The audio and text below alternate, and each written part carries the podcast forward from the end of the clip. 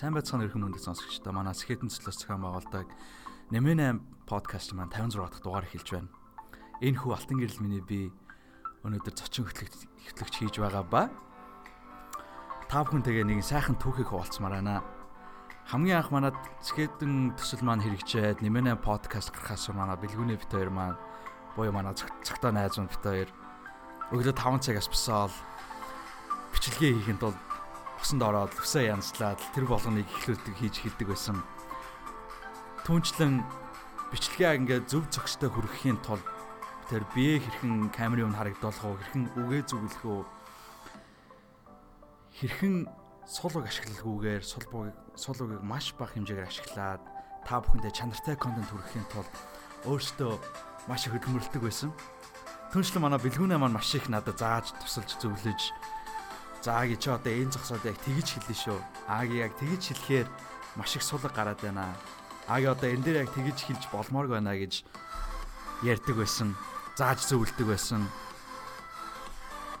Түүний дагуу би өнөөдөр та бүхний өмнө та бүх сонсогчдын өмнө энэ хүү хоёр дахь удаага зочин хөтлөгч хийж байгаа да. Туйлын туйлын баяртай. Яа тэгэхээр энэ хүү подкастыг бий болгохын тулд манай 58 маань оролцож манай бэлгүүн амин өөрөө үнийг сэтгэж манай буяа маань аян хийж би өөрөө яг одоо энийг сонсож байгаа хүмүүс зориулаад одоо маш аз жаргалтай байгаагаа илэрхийлэхэд маш сайхан одоо тавд баярлаа гэхээс өөр одоо сайхан үг бол олдохгүй байна. За ингээд яг одоо бүгдээрээ энэхүү подкаст руугаа үсэрцгээе.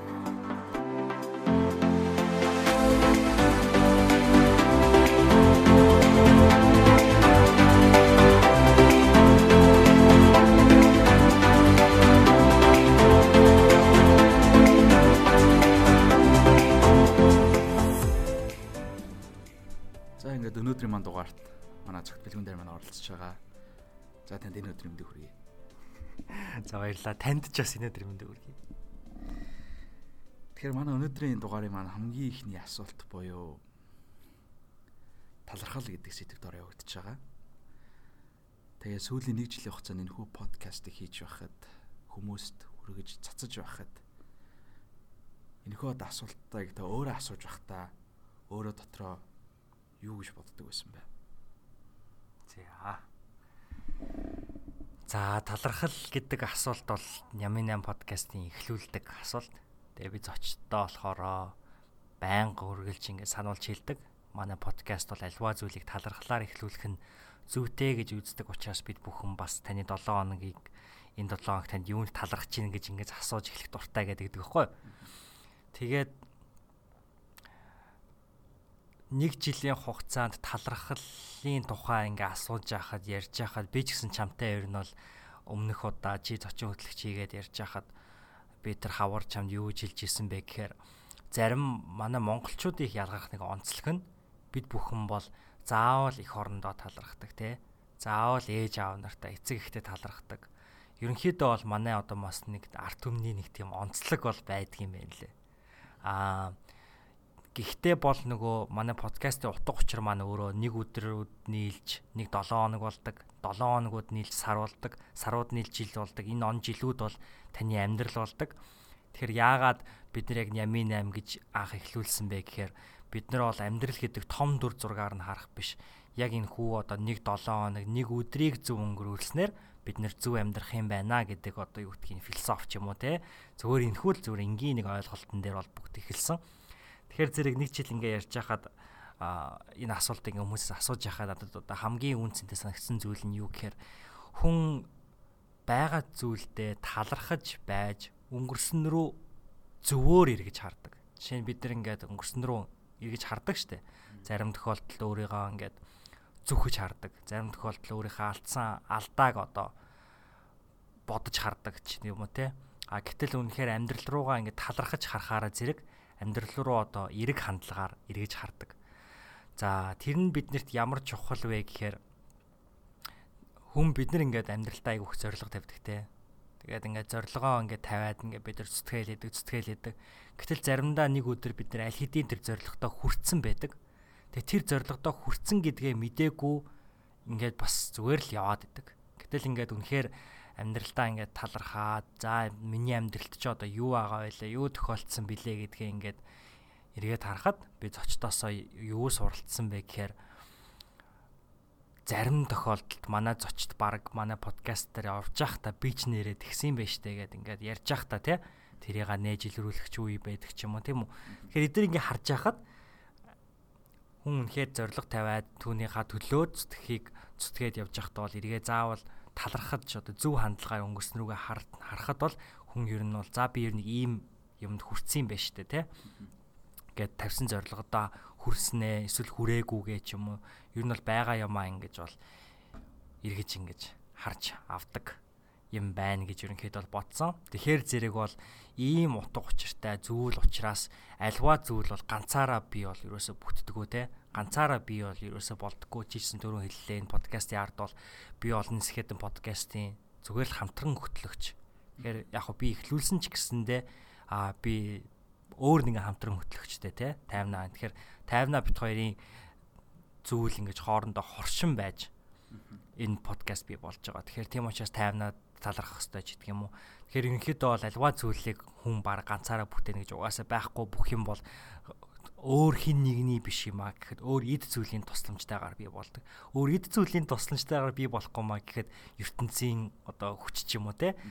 Чиний ямар нэгэн байдлаар үүлийн үрчин ч юм уу те карма ч юм уу те иймэрхүү юмнууд бол заавал гэж ирдэг учраас бүх юм нэг гэдэг ойлголтыг ерөнхийдөө бол талархал би болгох юм болов гэж бол би бодцсон. Тэгээд өнгөрсөн нэг жилд бол ийм оо зүйлийг яг энэ хүү подкастаас сурсан гэж би бол талархлын үед бодож байна. Гайхамшигтай. Маш сайхан хариулт байна. Яг өмнө ч гэсэн би өөрөө зочиолагч байж хат бол манай Билгүн надад одоо би өөрөө зочин хөтлөгч. Тэгээ би өөрөө ингээд энэ хүү подкаст ингээд хост хийгээ сууж явахдаа бэлгүүнээс маш их өөрөө ингээд сонсоод суралцаад байж идэг. Зя. Тэгэхээр надад байгаа хоёр дахь маш сонирхолтой асуулт юу вэ гэхлээр энэ хүү асуулт маань контент гэдэг асуулт. Тэгэхээр контент яагаад энэ асуултыг сонгосон бэ гэдг нь өөрөө маш бас сонирхолтой. Аа танихуу асуултанд хариулаач. За. За манай подкастын дараагийн айхтар чухал одоо ойлголт бол контент. Тэгэхээр манай Сэхэдэн подкаст биш. Ерөнхийдөө Сэхэдэн төсөл хамгийн анх яаж одоо хэрэгжсэн бэ гэхээр эхэлсэн бэ гэхээр манай ээжийн бичсэн одоо номон дээр л үндэслсэн. Тэгэхээр яг ээжийн тэрхүү номон дээр юу гэж хэлдэг вэ гэхээр а мэдээллийн чанараас амьдралын чанар хамаарна гэж юу хэлдэг. Тэгээ яг түрүүний одоо бид урдсанчлан бид нар бол яг нэг ертөнцтэй бүх юм зүйл хоорондоо юм уялдаа холбоотой байдаг. Тэгэхээр зэрэг бол та өнөөдөр амьдралдаа ямар төрлийн контент, ямар төрлийн мэдээлэл авч байгаа гэдэг бол айхтар чухал. Жишээ зөвхөн хоолтой зүүрлээд бодоход өнөөдөр та ямар төрлийн хоол байнга идэж нэгдгээс хамаарат ирээдүйд хэн байх чинь тодорхой болно тийм үү. Тэрнтэй л адилхан өнөөдөр та нэг ийм алдартай өгöd гэжтэй. Өнөөдөр таны хинтээ нөхөрлж байгаа, хин юу ямар ном уншиж байгаа, тэ ямар одоо подкаст сонсож байгаа ч юм уу, ямар бичлэг үздэг ч юм уу, ямар кино үздэг, ямар урлагийг таашаадаг зэрэг чинь таны өнөөдрөөс 10 жилийн дараа хэн байхыг тодорхойлох зүйл. Тэгэхээр бол контент гэдэг бол тэр талаасаа айхтар чухал аа гэж ерөнхийдөө бол бид нар бол үзээд байгаа. Яг энэ хүү подкастын нийтлэлийн хувьд те. Тэгээд нэг юм чухал ойлголт байгаад байгаа. Тэр нь юу гэхээр яагаад яг энэ хүү контент гэдэг ойлголтыг энэ удаагийн одоо хоёрдугаар асуултанд авч байгаа гэхээр бид нар угаасаа хоёр дахь асуулт маань таны талд одоо онцлог контент гэж асуудаг. Тэгэхээр энэ контентыг гэдэг асуултанд ингээд хүмүүс хариулж яхаа зарим хүмүүс кино одоо олон ангид кино хийдэг. Аа уншиж байгаа номоо хийдэг. Аль эсвэл зүгээр үзсэн нэг нэг ангид одоо бүрэн хэмжээний фильм, кино хийдэг ч юм уу те. За тэгээ өөр TED Talk ч юм уу хийдэг. Тэгэхээр энэ контент гэдэг зүйл бол одоо юу ч байж болно. Аа бидний одоо сэхэтэн төсөл гэдэг болохоор сэхэтэн хүн гэдгийг одоогийн ингээд сүүлийн нэг 20-од жилд ч юм уу ингээд дээд боловсралтай хүнийг сэхэтэн хүн гэж хэлнэ гэдэг ийм ойлголтод хит ингээд орцсон. Гэтэл манай сэхэтэн төслийн маань зорилго юу гэхээр а альва зүйлийг айгүй шинжлэх ухаанч гэх юм уу эсвэл илүү уул буурсуудаа тарлаас нь авч үзээд түүн дээрээ маш одоо intellectual те бүр ингээд одоо ухамсарын оюуны дээд түвшинд тэр хүмүүсүүд ингээд ярилцаж чадчихвэл те үнэхээр ингээд ярихдаа амныхаа зоргоор биш зүгээр амныхаа зоргоор биш өөрсдийнхөө туршлага дээрээс хийгээд одоо шинжлэх ухааны одоо янз бүрийн судалгаа шинжилгээ хүм одоо тэрхүү түүхүүд дээр үндэслэж ингэж харьцуулж ярьж гин гэдэг бол өөрөө нэг хөр төрлийн одоо схетэн байх ойлголт болчихж байгаа. Тэгэхээр заавал одоо тэрхүү одоо боловсролыг дээд боловсрлоор эзэмшиж авдаг уу гэвэл үгүй те. Өмнө нь болохоор дээд боловсрал гэдэг чинь айгу шинэ ойлголт ч бас л тодорхой хэмжээний дэлхийн түүхтэй харьцуулбал тэгвэл өмнө нь дээд боловсрал гэдэг зүйл байхгүй байхад скетэ хүмүүс байгаагүй байсан юм уу гэдэг ойлголтод бол мэдээж хэрэг үгүй гэж хариулна. Жишээ нь одоо Чингис хаан гэдэг бол гайхалтай жишээ те. Чингис хаан бол скетэ хүн байсан. Ягаад тэгэхээр Чингис хаан болохоор дэлхийг эзэлж байхдаа альва үндэстнүүдийг нэгтгэхээр тэр үндэстнүүдээс хамгийн одоо дээд зэргийн мэдлэгтэй боловсролтой чадвартай хүмүүсийг нь авч тэр одоо өөрийнхөө эзэнт гүрний төлөө хэрэгжилж ийсэн. Тэгэхээр тэр бол нэг төрлийн схетэн хүний хийж байгаа зүйлч гэдэг юм уу тийм үү. Тэгэхээр өнөөдөр амьдралдаа бид нэр авж байгаа контент, авж байгаа мэдээлэл эдгээр зүйлстэй маш одоо өндөр цензуртэй байх ёстой гэдгийг ерөнхийдөө бол энэ нэг жил би одоо зочтойгоо ярилцж хахад ойлгож авсан гэж хэлж болно. За тэгээ би энэ дээр нэг сүүлд нь яг ганц хэлхийг хүсэж байгаа зүйл нь юу гэхээр бас контентийг бид нэр өнөөдөр сүүлийн энэ 90 оны хойш те одоо схетэн гэдэг энэ ойлголтыг ингэж бидний одоо үеийнхэн болон бидний өмнөх үеийнхэн хит одоо нэг туйл руу явуулсныг хэдүүлээ яаж засах боломжтой вэ гэхээр зөвхөн нэг мэдээллийн сувгаас нэг контентын төрлөөр дамжуулан мэдээлэл авна гэдэг бол буруу гэдгийг энэ одоо үеэс ч гэдэг юм уу те бид нэр засах айгүй өндөр боломжтой. Тэгэхээр тэр нь юу хэлээд байна гэхээр зөвхөн ном уншдаг хүн ухаантай байна гэдэг ойлголт бол бас бид нэр эвдэх ёстой. Тэгээ яагаад вэ гэхээр ном гэдэг бол яг тухайн л одоо цаг үеийнхаа одоо биднэрт мэдээллийг үеэс үед дамжуулах хамгийн зөв хэрэглүүр бол байсан. А одоо бол гэхдээ бид нэр илүү одоо олон төрлийн контент хүлээж авдаг юм үед бол амьдарч байгаа. Жишээ нь одоо подкаст сонсно гэдэг бол нэг төрлийн контент хүлээж авах хэлбэртэй. Тэгэхээр аудио байдлаар сонсож сурдаг хүмүүс байна. Гэтэл бас үзэж сурдаг буюу вижюалаар сурдаг хүмүүс байна. Бүр үнэхээр сурдаггүй заавал хийж сурдаг хүмүүс байна. Эсвэл үнэхээр яг уншиж чаддаг, уншиж сурдаг хүмүүс байна. Тэгэхээр бас контентийг хүлээж авахын тулд нөгөө self awareness буюу өөрийгөө таних айгуу чухал. Тэгэхээр өөрийгөө таниад өөрийгөө тэр таньж байгаа сувгаараа таньсныхаа дараа өөртөө хамгийн таарсан сувгаараа дамжуулж контентийг хүлээж авах нь хамгийн зөв. Яагаад вэ гэхээр монголчууд бид бүхэн цөөхүлээ. Тийм учраас цөөхүлээ учраас хүн нэг бүр ямар төрлийн контентийг ямар сувгаар яаж авахаа маш сайн мэдчихвэл бид төдий чинээ одоо маш өндөр хэмжээний авах хэвээр мэдээллүүдээ хамгийн чанартайгаар аваад өөрийгөө хамгийн чанартай хүн болгож хөгжүүлэх нь энэ их орны хаа төлөө одоо өөрийгөө хамгийн зөвөөр зэвсгэлж өөрийгөө хамгийн зөвөөр ирлэж чадж байгаа хэлбэр юм болов уу гэж ойлгосон. Тэгэхээр бол контент гэдэг талаасаа тийм одоо ач холбогдолтой байгаа. Үнэхээр үнэхээр сайхан хариуллаа яг э, нэмээд би өөрхөн зүгээс яг нэг юм хэлэхэд яг нэрээ тийм байдаг шүү. Хүмүүс бол яг өөр өөрсдийнхөө одоо тийм мэдрэмжээр гэх юм уу эсвэл өөрсдийнхөө дураар гэх юм аа тэр мэдээллийг хүлээж авч яадаг. Жишээ нь миний хувьд бол одоо би яг үүдийн те заримдаа би ингээд ном уншаад номоос мэдээлэл авах хүсэж яадаг. Заримдаа бол үнэхээр өөрөө бичлэгч юм уу, кино ч юм уу одоо түүхийг болвол те одоо киногоор дамжуулж мэдэж авч бас болдог. Тэгж хүртэл манай монголчууд маш сайн одоо гаргаж ирж өөрсдийнхөө түүхээр маш сайхан сайхан кинонуудыг бол одоо хийсэн байдаг. Жишээ нь одоо тунгалаг таймар гээл тэ гих мэтчлэн тийм сайхан сайхан бүтээлүүд байдаг. За тэгэхээр надад байгаа дараагийн маш сайхан асуулт маань юу вэ гэхлээр оршихуй гэдэг асуулт. Энэ бол өөрөө одоо уг асуулт маань өөрөө миний асуух байгаа хэлбрээс илүү тийм одоо сайхан асуулт байгаа да. Тэгэхээр таан дээр хариулдаг гэж. За. За Сэхэдэн подкастын бас нэг өнгөрсөн 1 жилийн хугацаанд бид нэр Ямин амиг хийгээ явж хахад асуулт 8 асуулттай те айгүй хөөрчлөгдсөн байхгүй. Одоо ингээл яг юу асуувал хүнийг хамгийн сайн мэдэж болох уу те. Яг подкастыг бид нэр амьдралын хэм маягийн подкаст гэж явдаг. Тэгэхээр зэрэг амьдралын хэм маяг гэдэг бол нэг төрлийн тэр хүн баг өглөөс эртнээс ахуулаад шүн унтах нь хүртэл биднэрт хамаатай. Тэр хүн яг яаж унтчих гэдэг нь те. Тэрнтэй адилхан хүн болгоны хувьд өөрөөр хэлбэл хүн болгоны хувьд бол өөр өөр одоо номууд гэх юм уу те өөр ингээд зохиолууд. Тэгэхээр зэрэг тэр зохиол болгоны хамгийн гоёыг нь гаргаж ирэхийн тулд би яг Аризонод амьдардаг Бат оргил гэдэг найзаасаа яг энэ асуултыг асууж эхэлж ийсэн. Тэр нь болохоор та энэ 7 хоногт юунаас хамгийн их сэтгэлийн таашаал кафег авбаа гэж.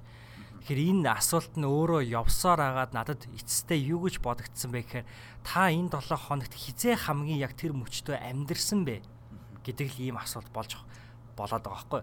Тэгээ трийг нь болохоор англи хэлний presence гэдэг үгээр хэлж болж байгаа. Тэ? А монголоор орчуулвал тэр нь оршихуу гэдэг айгүй сайхан үгээр орчуулагдана.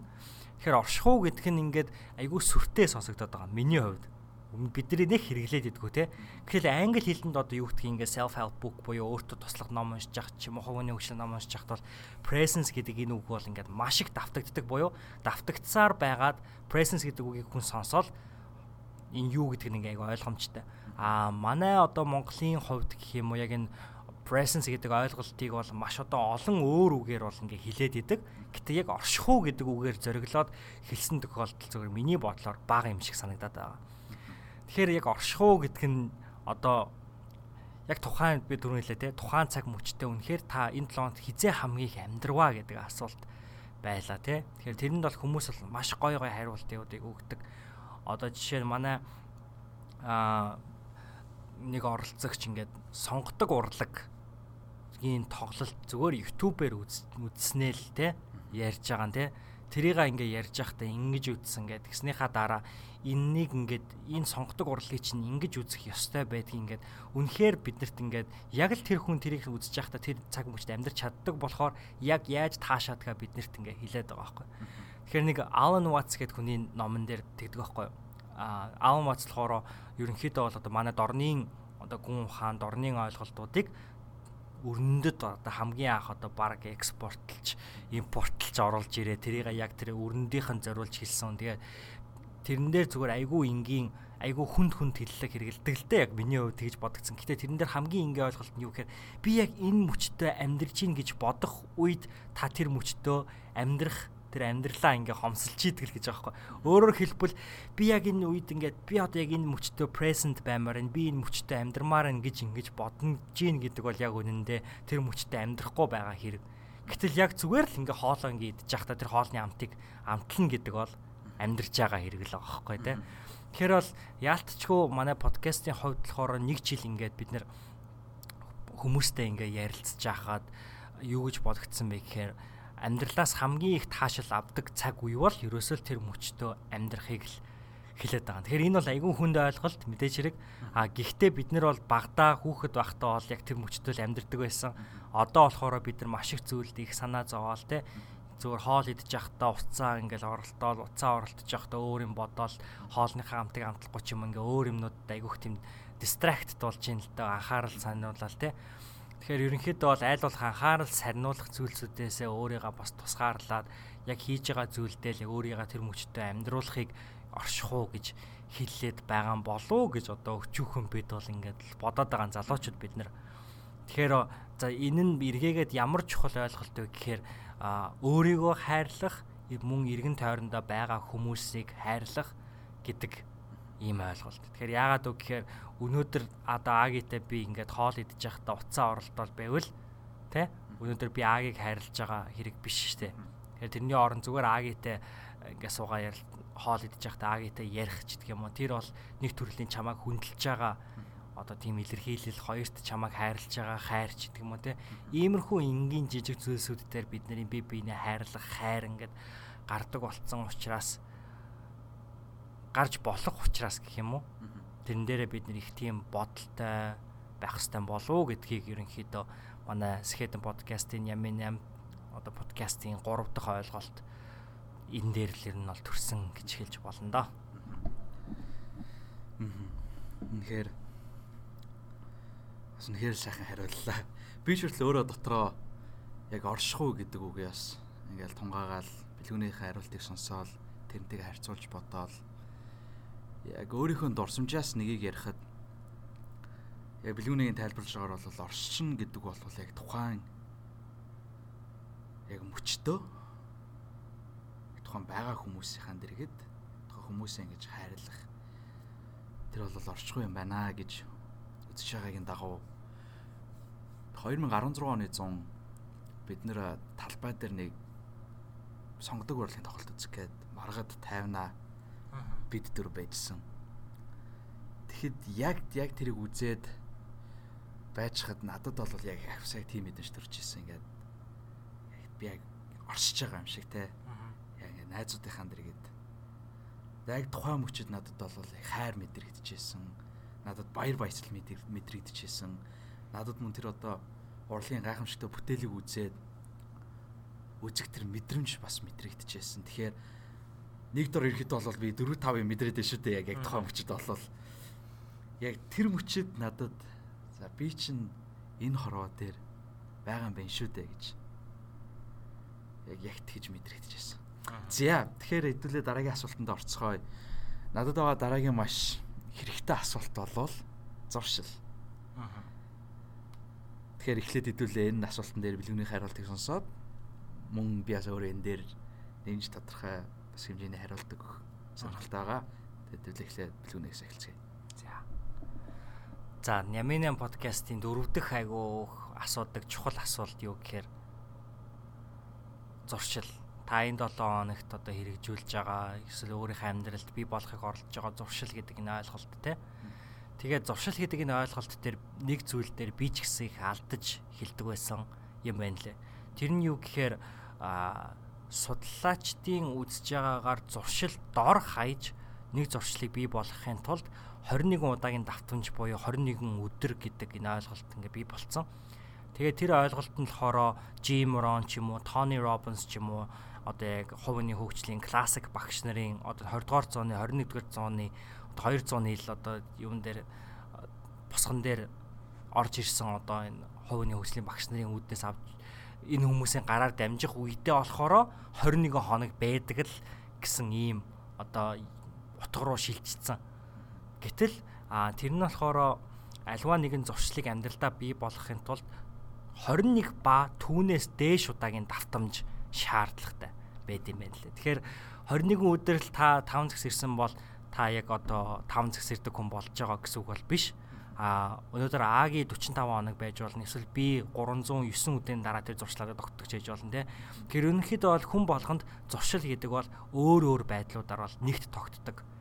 Тэгэхээр бол хугацааны хувьд болохоор а одоо дахиж хэлвэл зуршил гэдэг бол 21 ба түүнээс дээш хоног байдаг. Яг хуу дунджаар 21-ээс 49 хоног ер нь бол байдаг.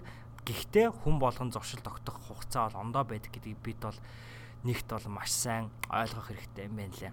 За хоёрт болохоор зуршлыг сайжруулахаас өмнө зуршлыг бий болгох хэрэгтэй. Тэр нь юу хэлж ийн гэхээр өнөөдөр та өглөөний өглөө яагаад бид нар ер нь сэрдэг болох гээд байна гэхээр одоо чинь өглөө 5 цаг сэрдэг хүн амжилттай байна гэдэг нэг ойлголт би яагаад өнөөдөр бий болцсон бэ гэхээр би ингээд оюутан байжгаад бас ингээд ажлын гараан дээр ингээд яваад одоо эхэлсэн те.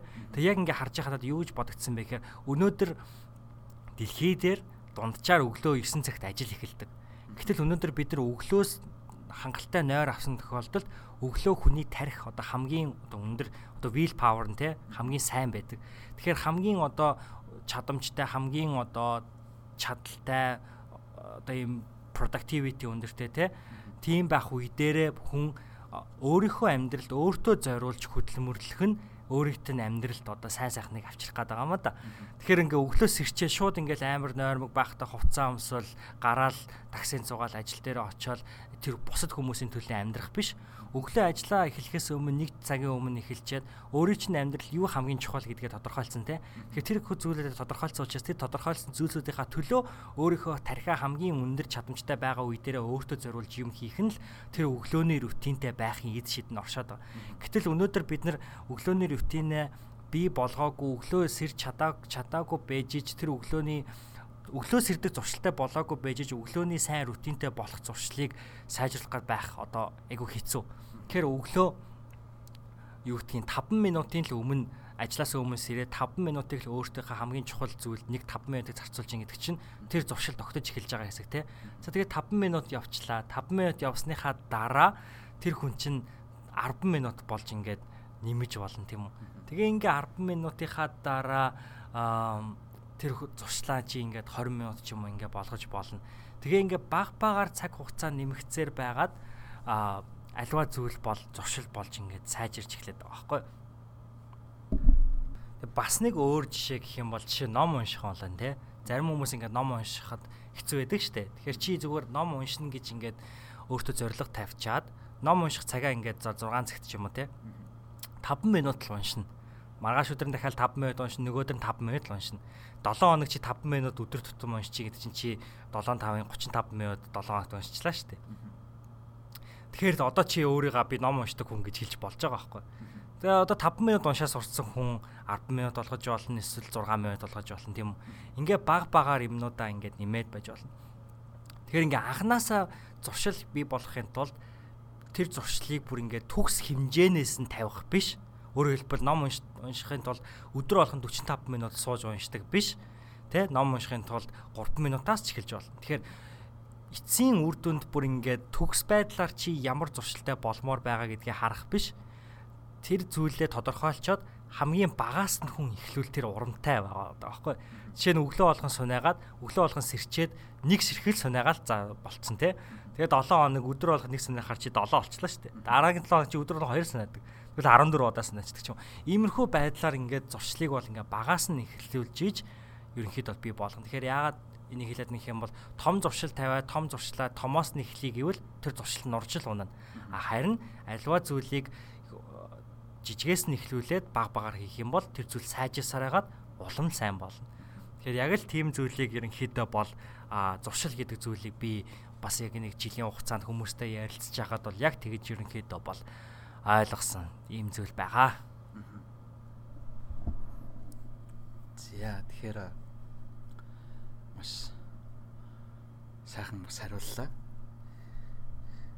Тэгээд хамгийн ихний хэлжсэнээр миний яг би бас өөрөө яг асуулт асуучихтай хэлсэн байсан. Өөрөө тодорхой хэмжээний хариулт бас нэмж өгмөр байна гэж. Тэгээд би яагаад тэгж хэлсэн бэ гэхлээр надад яг тэгж одоо миний одоо зүгээс те өөрөөсөө гадна ингээд өөр бусад хүмүүсийг ажиллаж байхад хараад хахад хүмүүс ингээл зуршил гэхээр яг түрүүний бэлгүүний өмнө хэлдэг шиг ингээл өөртөө амар том зуршил тавьчаал би хүртэл өөрөө тэгж алдчихсан. За би бол өнөөдөр ном унших хэрэгтэй юм байна гэж өөртөө ингээд хэлээд тэнгуүтээ нэг ном ингээд нэг ном ингээд суурин дээр нь унших гэж хичээгээд аа Тэгээ мэдээж би ингээд зочинд өрхийн тулд эхлээд би цаг 2 цаг ингээд уншиж уншижлаа юм л да. Тэгээд тэр ном маань өөрөөс нэг хайхтар зузаан ном байгаагүй тэгээд нэг 120 30 хуудастай ном байсан. Тэгээд тухай өдөр ингээд уншаад дуусчихж байгаа байхгүй юу? Өөр нэг юм юу ч хийлгүүгээр. Мэдээж ном маань өөрөө маш сонирхолтой байсан. А гэхдээ би тэрнээс юуг олж харсан бэ гэхлээр дараа нь би өөрөө ном уншия гэж бодсон чинь нөгөө нэг 2 3 цаг хийцмээр бодогдоод нөгөө тийм өөр ажлуутай байна давхцсан гот. Аа. Нөгөө тэрийгэ хийх сонирхолгүй болоод эхэлж байгаа. Яг нэг тийм одоо алдааг битгий хийгээсэ тэ яг өнөөдөр чи ном унших гэсэн бол 5 минут л уншиж байгаа. Чи ганцхан хуудас л уншиж байгаа. Гэхдээ тэгэл болоо. Тэгэл маргааш нь чи нөгөө дараагийн хуудас уншин тэ бас л ганц хуудас. Тэгээ нөгөөдрийн маргааш нь дахиад дараагийн хуудас уншин гэж явсаар нь байгаа чи нэг номыг чи нэг жил уншиж болно чи нэг номыг чи нэг сар уншиж болно чи 7 хоног уншиж болно хамгийн гол утга учиртай зүйл маань чи өөрөө тэр зуршлыг баг багаар бий болгосоор байгаад өөрөө тэрийг одоо маш түүртэлгүйгээр те мөн сэтгэл санааны маш одоо таашаалтайгаар тэр зүйлсүүдийг хийж байгаа хэрэг. За. За тэгэхээр нэг тиймэрхүү. За надад байгаа дараагийн маш утга учиртай асуулт маань юу вэ гэхлээр нөлөө бусдад чи сайнаар нөлөөлж болно, бусдад чи муугаар нөлөөлж болно. А эцээ эцээ шүү дээ. Нөлөө болвол нөлөө өгдөг. Энэн дээр манай бэлгүнэ манай бас хариулаач ээ гэж хүсэж байна. За баярлаа. За манай бас подкастын яг яагаад чи энэ асуултан дээр бид нар хүрээд ирсэн мэдэхгүй гэтээ Ямэн подкаст бол таны энэ 7 хоногт одоо хин хамгийн их нөлөөг мөн хэрхэн нөлөөлс үзүүлсэн бэ гэж маш их асууд. Одоо асуудаг асуулт болж одоо энэ хувирсан. Тэгээ яагаад энэ асуултыг ер нь хамгийн анх сонгосон бэ гэхээр бас яг контенттэй л би нэлээд харьцуулж бодсон юм шиг байна. Тэг яагаад үг гэхээр контент одоо мэдээлэл хүний амьдрал нөлөөлөлттэй адилхан а иргэн тойронд чинь байгаа хүн гэдэг зүйл бол өөрөө бас их одоо мэдээллийн баг бөөгнөрлөг гэж хэлж болно те. Тэгэхээр одоо би ингээ байн агийн таамд байгаа гэвэл би бас одоо юу гэдэг агийн надтай хамт байнга байгаа гэвэл бид хоёр би биедээ нөлөөлсөөр байгаа бид хоёр би биетэйгээ адилхан хүн болно шүү дээ Угаасаа бит хоёрыг одоо ингээ харах юм бол төстэй зүйлүүд байна.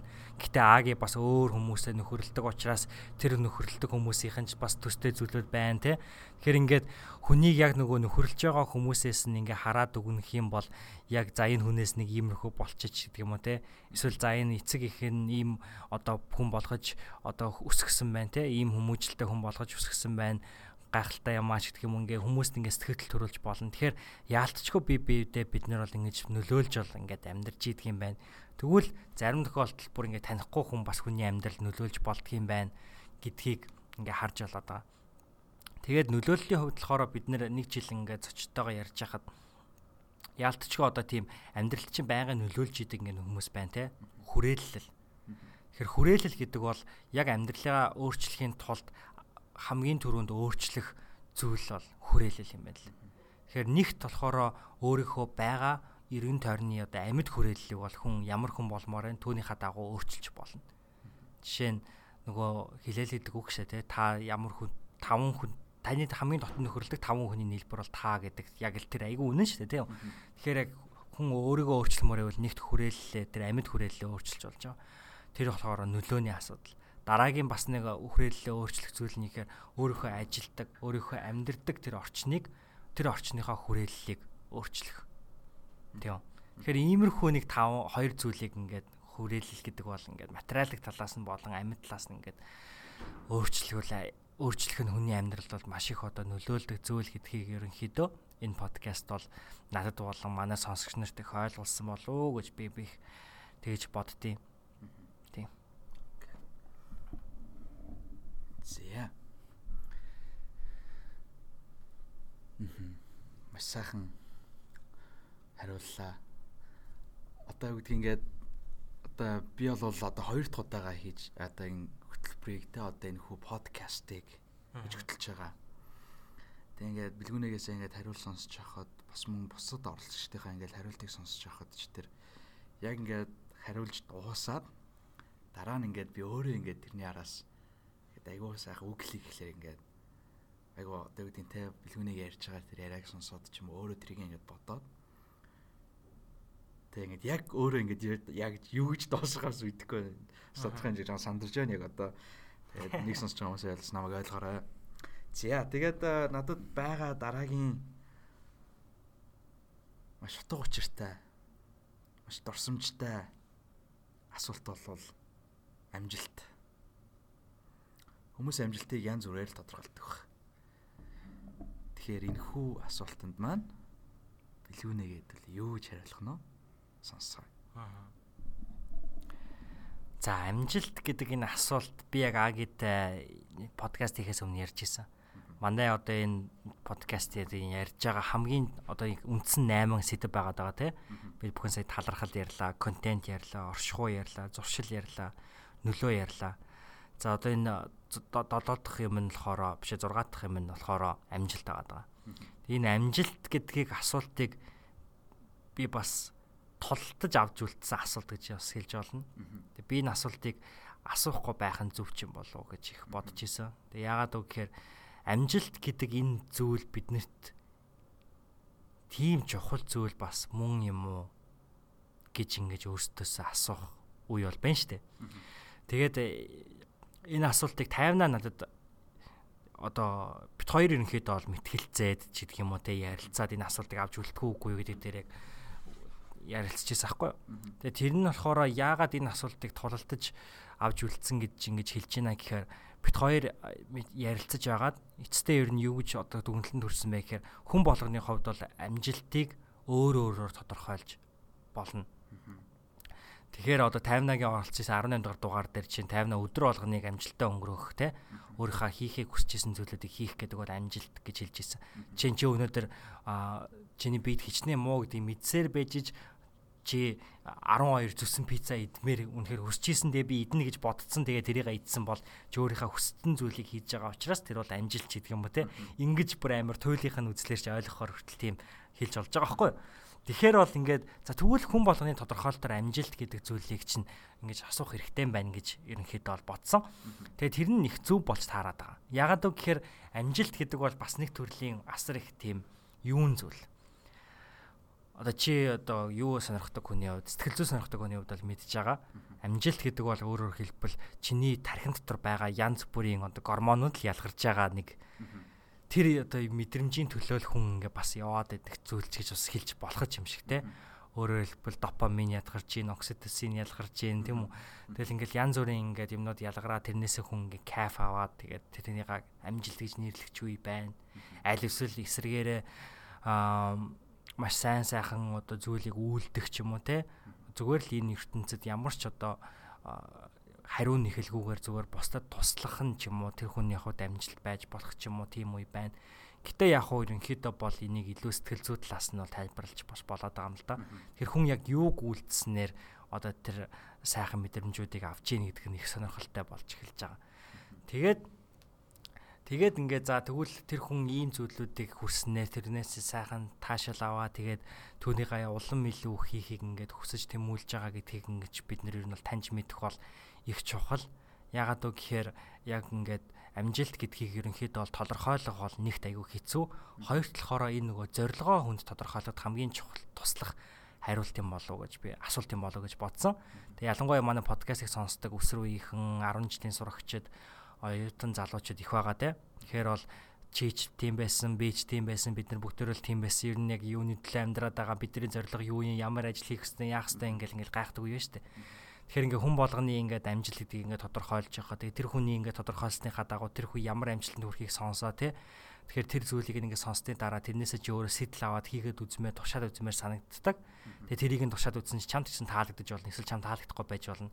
Тэгэхээр эргээгээ тэр нь чамд нэг өөрийгөө таних тэрхүү өөртөөгөө танилцах тэр аялалт чинь гарах зүйл нь амжилт юм болов гэж ерөнхийдөө харсан. Тэгээ нэг жилийн хугацаанд бол амжилт гэдэг бол чиний амьдралын чинь аяллалыг одоо залуурдж байгаа тэрхүү одоо луужин юм байна л гэж ерөнхийдөө бол ботсон доо. Гайхамшигтай. Мөрхий гайхамшигтай. Амжилт. Яг манай бэлгүүнийг хэлсэнчлэн амжилтыг хүн бол яаж тодорхойлж болно? Хамгийн гол нь яг амжилт гэдэг зүйлийг өөр өөртөө мэдэрсэн л болвол тэр болвол чиний хувьд бол амжилт байдаг. Аа. Таны хувьд бол амжилт байдаг. Тийм учраас хүн болгон бас тэрийг ойлгож ухаараасаа гэж бас манай подкастын зүгээс хүсэж байна. За тэгэхээр надад байгаа дараагийн бас гэгээлэг асуулт болвол ухаарал гэж. Аа. Би бас өөрөө энэ асуултыг ингээд асуухад хүртэл За яг үнэхээр би ингээд яг энэ подкастыг хөтлж байхад надад бол ингээд орж ирж байгаа маш тийм одоо хүчрхэг үгнүүдийн нэг бол одоо ухаарл байдаг. Аа. Мөн оршихуй тийм ээ нөлөө амжилт. Тэгэхээр энэхүү асуултан дээр хэвтүүлээ билүүнийг хариулах сонсцгоо. За. За одоо ингээд ухаарл гэдэг дээр би яг энэ зүйлийг л ярмаар санагдаад идэв. Тэр нь болохоор юу гэхээр би ингээд зочдоосоо та энэ 7 хоногт юу гэлөөг ухаарч ойлговоо гэд ингээд асуусан шүү дээ тий. Тэгэхээр ингээ тэр хүний ингээ ухаарсан ухаарл нь яг миний бас тэр 7 хоногт ухаарсан ч юм уу мэдэрсэн ч юм уу ингээ юм санагдаад байдаг хөөхгүй. Тэгээ би яг тэр хүнтэй би энэ хүнтэй тэр үед ярилцаагүй цоогон хойшлуулж байгаад яг энэ үед ярилцсан. Тэгсэн чи яг энэ хүний 7 хоногт ийм тохиолдсон байна. Тэгэхээр би яг энэ зүйлийг энэ үед л сонсох хэрэгтэй байсан юм байна гэж ингэж бодох үе бол маш их байдаг. Тэгээ манай зочдод бас биш манай сонсогч нарт бас тийм үе их тохиолдог гэж бодож байна л да. Тэгээ одоо сүүлийн үеийн жишээнүүд төр би ингээд яри заяа. Жишээ нь манай 54 дугаар дугаарын зочин ингчин болон 53 дугаар дугаарын зочин оюун дээр хоёулаа маш адилхан зүйл ярьсан. Тэр нь нэг сэдвээр шүү. Тэр нь юу хэлж чинь юу ярьсан бэ гэхээр бид нар ингээм амьдралдаа зарим үед тэнэг гимээр зөрөгтэй гимээр алхмуудыг авах хэрэгтэй. Тэгэхээр нь тэр нь ингээд таныг ингээм амьдралд маш ингээд э, онгойлгоод ингээд маш одоо гоё ингээд сайхан хаалга ингээд нээгдэхэд тусалдаг ч гэдэг юм уу те. Ингэж одоо хэлж исэн. Тэгэхээр яагаад ямар тохиолдлоор ингээ яг хоёр зочин маань хоёулаа ар араасаа яг тэрхүү зүйлүүдийг ингээ ярьчваа тий. Тэгээ би одоо өөрөө би ч одоо мэдж байгаа шүү дээ чинь би одоо юу гэдгийг чи буддын шашинтай гэж хэлвэл би нөгөө монгол хүн учраас одоо буддын шашинтай гэж хэлэх нь илүү одоо энд Америкт тэгж хэлэх нь илүү зохистой тий. А тэгсэн хідэж би яг ингээ буддын сургаалыг бүгдийг нь уншаад бүгдийг нь яс дагдаг хүн үү гэвэл биш. Гэтэл би эсрэгээрээ айл ал бүх шашнуудыг шүтдэг мөртлөө нөгөө ертөнцтэй те яг нөгөө сүнслэг байдал spirituality итгэдэг. Тэгэхээр миний хамгийн одоо итгэдэг ойлголт нь юу гэхээр бид нар нөгөө нэг л зөв цагтаа зөв хүнтэйгээ учирдаг амьдралд санаандгүй байдлаар тохиолддог зүйл гэж юусаа байхгүй. А чамд энэ 7 хоногт ухаарсан чиний амьдрал тохиолдсон тэр тохиолдол чинь сайн зүйл чам тохиолдож болно. Маш ад жаргалтай сайн сайхан зүйл. Эсвэл чи бүр амар шихийн зовлонд унаж болно. Тэр унж байгаа тэр зовлон чинь тэр жаргаж байгаа тэр жаргал чинь чамд болон өөрөө л бусдад хизээ нэгэн өдөр ямар нэгэн байдлаар зорилгоор нөлөөлөх тийм л зоригтой л юм болж байгаа гэх юм уу. Тэг өөрөөр хэлбэл амьдралд юм хизээч санаандгүй байдлаар тохиолдлоор болдоггүй. Бүх юм л яг ингээд би биедээ нөлөөлөх гэж би биедээ ингээ холбоотой байдаг гэх юм уу. Тэгэл ерөөсөө юм болгол надад ингээ айгүй холбоотой санагддаг. Тэг яг энэ асуултыг ингээд сонсож явах одоо энэ асуултуудыг хариултыг те зочдоосоо сонсож явахд бол ингээд яг ингээд тэр үед л ингээд сонсох хэрэгтэй байсан юм чим шиг ингээд санагдаад байгаа юм. Яг одоо ингээд аагийн харж индээ би ингээд ингээд одоо ингээд оролцсон ингээд зочдынхаа ингээд бүх ангиудыг ингээд харж ийн л та. Тэгэхээр бүгдөө л яг ингээд тэр үед бол нэхэр ингээд миний амьдралд болон манай сонсогч нарын амьдралд аясар их нөлөө үзүүлсэн л хариултад болж одоо хувраад идэг. Тэгэхээр зөв эцэст нь хэлэхэд сонсогч танд бас зориулж хэлэхэд те амьдралд чинь болж байгаа юу ч бай, сайн ч бай, муу ч бай. Танд хизээ нэгэн өдөр танд болон өрөөл бусдад ямар нэгэн зорилгоор нөлөөлөх, ямар нэгэн байдлаар танд ухаарлыг авчрах тийм зүйл байдаг юм байна л гэж бодсон. Тэгээд ингэж бодох нь бас зүгээр одоо сэтгэл санааны хувьд ч гэсэндээ нэг тийм өрөөг өгдөг гэж би яг чамтай өмнөх подкастн дээр ярьжсэн дээ чамд чинь доод зочноор оролцож байхад зочноо хөтлөгчөөр тэгэхээр тэр өрөөг өөртөө гаргаж өгөөсэй гэж ерөнхийдөө бол танаас бас хүсье. Тэг ягаад би хүсэж байна гэхээр энэ бол миний нэг жил зочдтойгоо ярилцж байхад хамгийн ихээр ухаарсан зүйл байгаа юм шүү. Гайхамшигтай. Үнэхээр гайхамшигтай. мэдээж э, ухаарал гэхээр надад бас маш их юм бодогдож байна л да. Тэгэл яг ухаарал гэж яг миний хувьд тийм ээ алтан гэрэл миний би миний хувьд болвол нэг тийм irrational зүйл гэдэг миний хувьд бол яг үнэндээ. Аа. Тэ. Хүмүүс нэг бороор ойлгож магадгүй. Зөвөрч ойлгож магадгүй. Энэ бол яг миний тэр жижигхэн ертөнц дотор яг бодож явдаг одоо зүйлсүүдийн нэг бол ухаарлал гэдэг. А гэхдээ би ухаарлыг яаж хүлээж авах одоо яаж одоо за ингээд одоо ухаарч те ухаарлал гэдэг чинь ингээд ухаарах гэсэн үг шүү дээ. Ингээд үнцээс гаралтай. Хүн бол зөв зүйл миний бодлоор бол хүн бол ингээд зөв зүйл хийж явсараад ингээд ухаардаг юм байна. Тэ? А гэтэл хүн бас буруу зүйл хийж явсараад ухаардаг ч уу байдаг. Жишээ нь өнөөдөр ямар нэгэн одоо олонний танил хүмүүс ч юм уу те. Аа одоо үгдий ингээл янз бүрийн тийм буруу зүйл хэрглэж хэрглэж явж явсараад тэндээсээ ухаарад олны танил болоод тэгээ тэр нь эргээгээд айгуу гоё өөрх нь амьдрал айгуу гоё нөлөөлөөд тэгээ дараа нь тэрийг ингээд босдод цацаад те. За бас ийм юм байдаг юм байна шүү гэдгийг бас ойлгуулад явж хүмүүс юм байдаг. Зя. Зя тэгэхээр надад байгаа хамгийн сүүлийн мөн хамгийн сонирхолтой хамгийн гоё асуултуудын нэг болвол онцгой гэж. Өөрөө нэг нь хүртэл өөрөө маш онцгой сонсогдож байгаа бах те. Тэр яг энэ асуултанд хэдүүлээ бэлгүүнээс хариултаа сонсцгоё. А та бүхэн ч гэсэн дотроо өөрсөндөө хариулт өгөө гэж болно гэдгийг бас ойлгоорой. Зя. Зя. Одоо нэг түүхэн гээд сөхөхөд Ямин 8 гэдэг энэ хүү подкастыг та магадгүй хамгийн анхудаа сонсож байгаа бол бид бүхэн инхүү яг 365 өдөр та бүхэнтэйгээ яг энэхүү подкаст гэдэг аудио ертөнцөөр дамжуулан скетэн гэр бүлийг бий болгохын төлөө зүтгэсээр ирлээ. Бид бүхэн хамтдаа таны оролцоо нэ хамт. Тэгэхээр скетэн гэр бүл гэдгийг юу гэж хэлнэ юм бол яг энэхүү контентуудыг тойроод бид бүхэн нэг юм community буюу ийм хүрээлэл бий болгож байна те. Одоо өөрөөр хэлбэл чи бид хоёрын хин хинэн танихгүй, чи бид хоёрын хин хинэн уулзж байгаагүй нэг сонсогч маань чи бид хоёрыг мэддэг болж байгаа. Тэгэхээр тэрнтэй адилхан яг адилхан бас нэг өөр сонсогч маань яг адилхан тийм хүн байна шүү дээ. Тэгэхээр тэр хоёр хүнийг холбож байгаа зүйл нь одоо бидний энэ төсөл энэ контент болж байгаа. Тэгэхээр энэ хүрээллийг бид нэр скетинг гэр бүл гэж нэрлэдэг байгаа. Өөрөөр хэлбэл брэндчлээд дээ шүү дээ. Бид нар чинь ингээд нэг гэр бүл шүү гэдэг энэ хөө ойлголтыг. Тэгээд зочдтойгоо ингээд ярилцж хахад а зочид болгон өөр өөрсдийн гэсэн онцгой түүхтэй. Тэгэхээр түүнтэй адилхан хүн болгоны 7 хоног бас онцгой түүхтэй. Жишээ нь Аги 54 дугаар дугаарт ороод дараа нь 55 дугаар дугаарт ороход аль алин дээр нь орлоо гэж жишээ авъя те. Тэгэх юм бол аль алин дээр нь өөр юм ярьж болно. Ягаад тэгэхээр 7 хоног болго онцгой.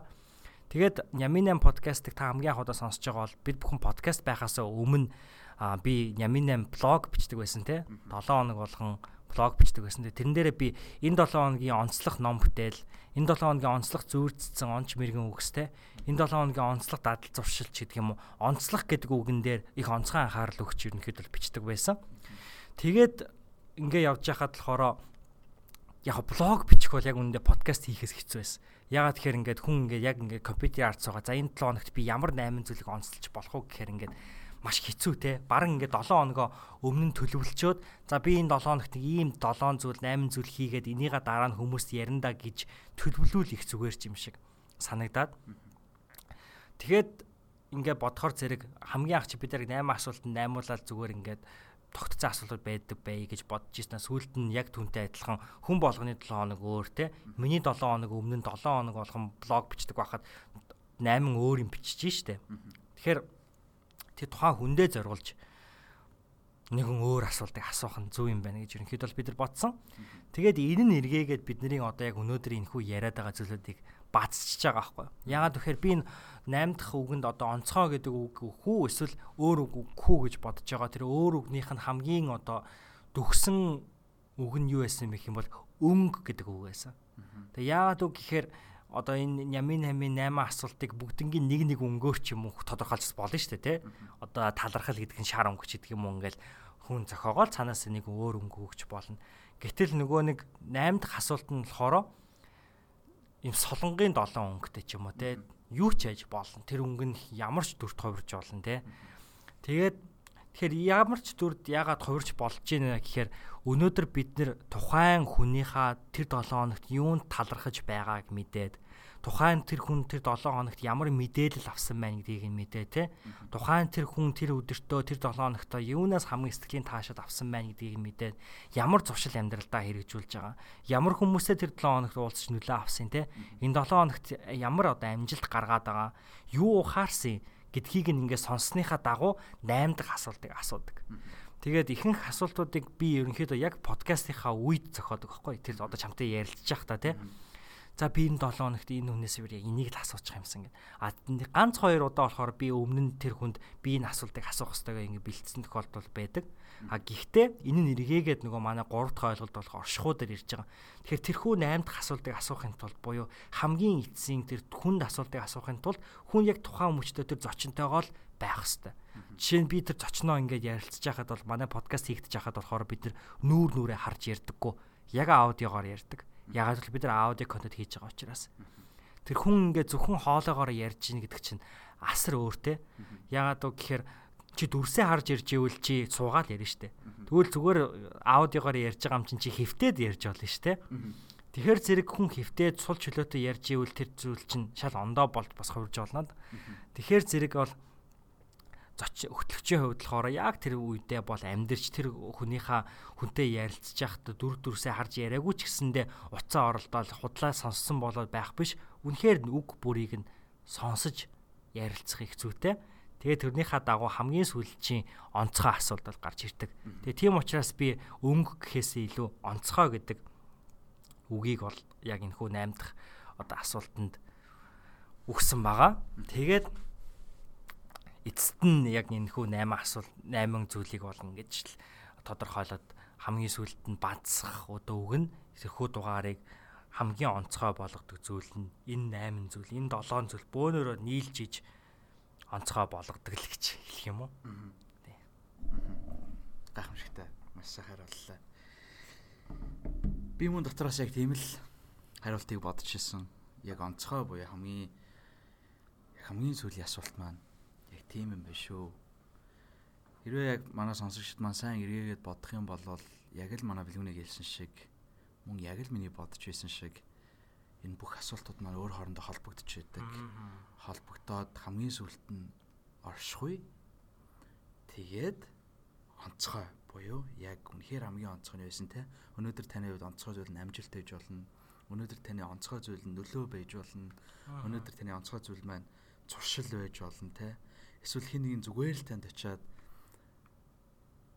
үнэхээр чи надад тусалсан те яг үнэхээр хэцүү цаг мөч чи надад тусалсан чи үнэхээр их баярлаа гэж сонсох тэр талархал танд онцгой зүйл байж болно. Энэ бол өөрөө маш сайхан маш гэгээлэг маш утга учиртай маш онцгой зүйл юм а гэж.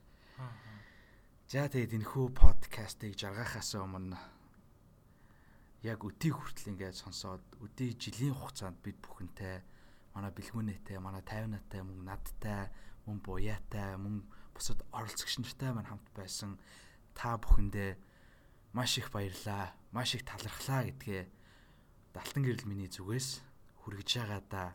Би маш туйлын их баяртай байна. Агийг маань бас дурдлаа. Түүн дээрээс нэмж хэлэх ёстой хүмүүс байгаа. Тэр нь мэдээж хэрэг манай подкастын продюсер Маргад Эрдэнэ байгаа.